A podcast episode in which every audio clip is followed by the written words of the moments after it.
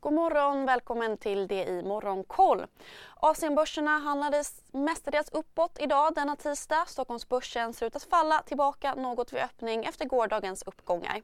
Shanghai och Shenzhen stiger 1% medan Hongkongbörsen stiger närmare 2 Kinas industri-PMI sjönk om än mindre än väntat till 49 i december, det vill säga under tillväxtgränsen på 50. Aktiviteten fortsatte pressas kring ökad smittspridning av covid-19-viruset. Och EU har nu erbjudit att donera covidvaccin till landet, det rapporterar Financial Times. Vidare förbereder Sverige reserestriktioner mot Kina efter liknande initiativ från flera länder. Ett av kraven kan bli negativa covidtest från inresande, det enligt ett pressmeddelande från regeringskansliet. Ett fat Brent stiger till 86 dollar efter att handeln var stängd igår. Igår skrev även banken SEB att priset bör stiga över 100 dollar fatet i takt med att Kinas efterfrågan återhämtar sig kraftigt.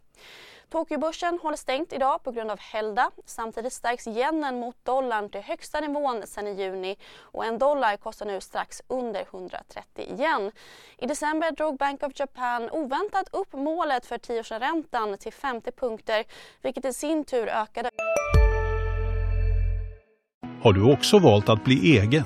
Då är det viktigt att skaffa en bra företagsförsäkring. Hos oss är alla småföretag stora och inga frågor för små. Swedeas företagsförsäkring är anpassad för mindre företag och täcker även sånt som din hemförsäkring inte täcker. Gå in på swedea.se företag och jämför själv. Förväntningarna på att centralbanken ska strama åt penningpolitiken. Idag öppnar USA-börserna för första gången i år. Terminerna pekar i nuläget mot en öppning svagt uppåt. Och Tesla levererade färre bilar än väntat i det fjärde kvartalet. Leveranserna steg till 400 000 bilar vilket var ett nytt rekord men ändå lägre än väntade 420 000. Under året ökade antalet leveranser totalt med 40% mot 2021. Och Apples kinesiska iPhone-fabrik Foxconn ska nu vara uppe i 90% i kapacitet efter fabriksanställdas protester mot covid-restriktionerna och försenade leveranser. På agendan idag ser vi fram emot tysk inflation som spås ha minskat från 10 till knappt 9% i december mot i fjol.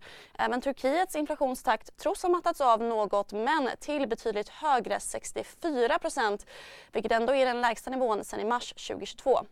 Utöver det redovisas även arbetslösheten i Tyskland som tros ligga oförändrad på 5,6% i december. Samtidigt tros antalet nya arbetslösa ha ökat för sjätte månaden i rad. Men först börsöppningen som ni kan följa strax efter nio här i DTV.